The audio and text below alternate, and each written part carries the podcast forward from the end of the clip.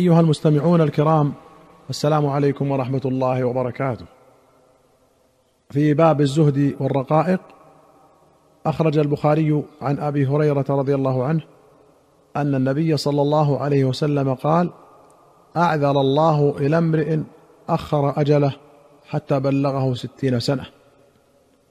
قوله أعذر إليه أي أزال عذره ولم يبق له حجة كأن يقول لو مد أجلي لفعلت ما أمرت به. يقال أعذر فلان أي صار ذا عذر. كأعرس أي صار ذا عرس. وهي الزوجة. وفي المثل أعذر من أنذر. وأخرج البخاري عن ابن مسعود رضي الله عنه قال خط رسول الله صلى الله عليه وسلم خطا مربعا. وخط خطا في الوسط خارجا منه. وخط خططا صغارا إلى هذا الذي في الوسط. من جانبه الذي في الوسط.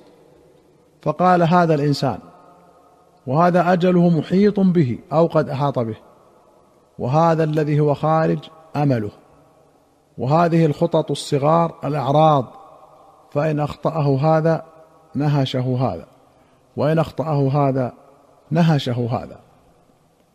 وأخرج البخاري عن أنس قال خط النبي صلى الله عليه وسلم خطوطا فقال هذا الأمل.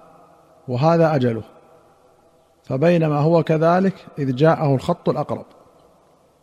وأخرج البخاري عن ابن عمر قال أخذ رسول الله صلى الله عليه وسلم بمنكبي فقال كن في الدنيا كأنك غريب أو عابر سبيل. وكان ابن عمر يقول إذا أمسيت فلا تنتظر الصباح وإذا أصبحت فلا تنتظر المساء وخذ من صحتك لمرضك ومن حياتك لموتك. وأخرج البخاري عن ابن عباس رضي الله عنهما قال قال النبي صلى الله عليه وسلم نعمتان مغبون فيهما كثير من الناس الصحة والفراغ المغبون من باع الثمين الثمين ببخس وقوله كثير من الناس دليل أنه لا يوفق للربح في نعمتي الصحة والفراغ إلا قليل كما قال تعالى وقليل من عبادي الشكور وأخرج ابن أبي شيبة وأحمد وابن ماجه وأبو داود والترمذي وابن حبان والبغوي رحمهم الله بسند صحيح عن عبد الله بن عمرو بن العاص رضي الله عنهما قال مر بنا رسول الله صلى الله عليه وسلم ونحن نصلح خصا لنا وفي رواية وأنا أطين حائطا لي من خص فقال ما هذا؟ قلنا خص لنا وها فنحن نصلحه فقال أما إن الأمر أعجل من ذلك. وفي رواية الأمر أيسر من ذلك.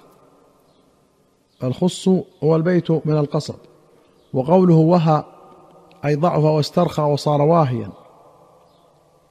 وأخرج البخاري ومسلم عن النعمان بن بشير.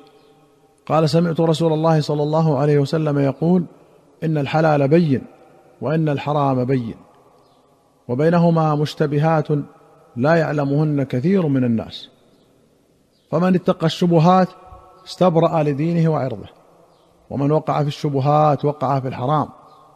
كالراعي يرعى حول الحمى يوشك أن يرتع فيه. ألا وإن لكل ملك حمى. ألا وإن حمى الله محارمه. ألا وإن في الجسد مضغة. إذا صلحت صلح الجسد كله وإذا فسدت فسد الجسد كله. ألا وهي القلب. وللبخاري الحلال بين والحرام بين وبينهما أمور مشتبهة فمن ترك ما شبه عليه من الإثم كان لما استبان أترك ومن اجترأ على ما يشك فيه من الإثم أوشك أن يواقع ما استبان والمعاصي حمى الله من يرتع حول الحمى يوشك أن يواقعه. وأخرج البخاري ومسلم عن أبي قتادة رضي الله عنه أن رسول الله صلى الله عليه وسلم مر عليه بجنازة فقال مستريح ومستراح منه. قالوا يا رسول الله ما المستريح وما المستراح منه؟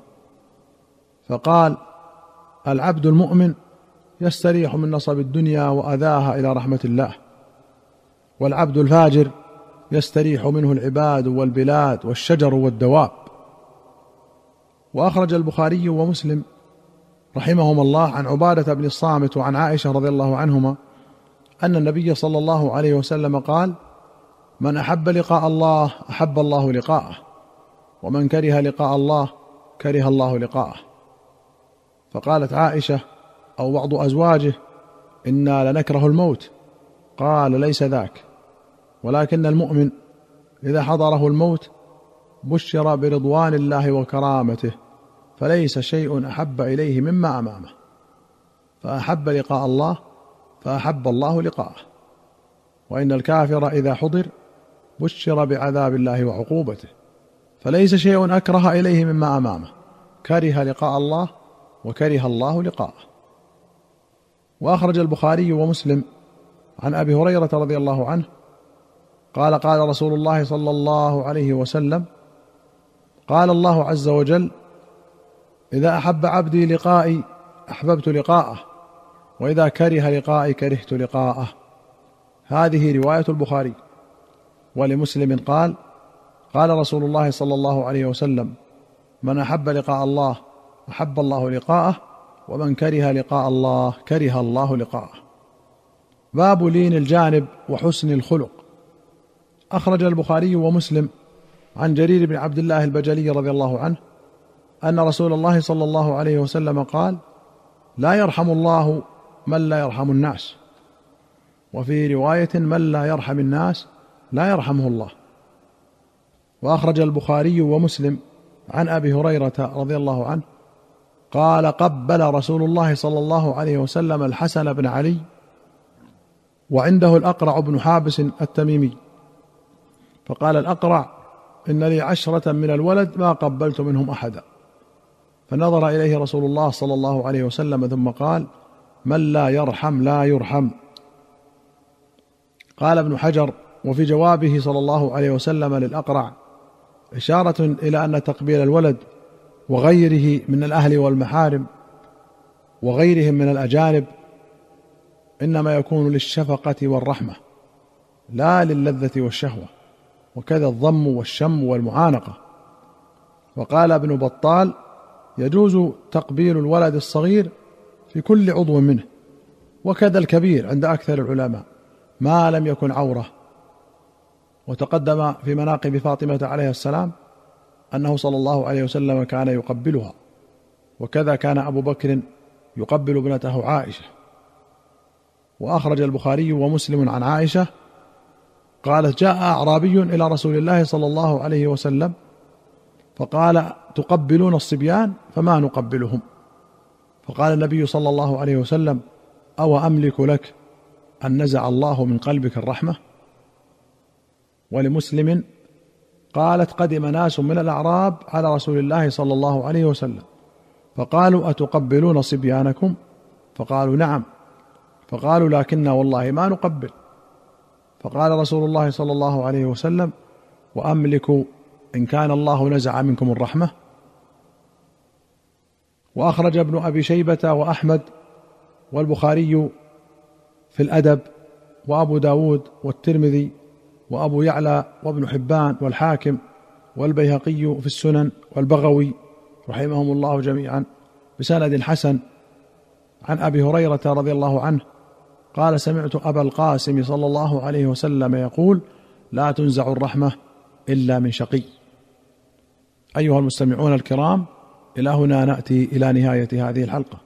حتى نلقاكم في حلقة قادمة بإذن الله نستودعكم الله والسلام عليكم ورحمة الله وبركاته.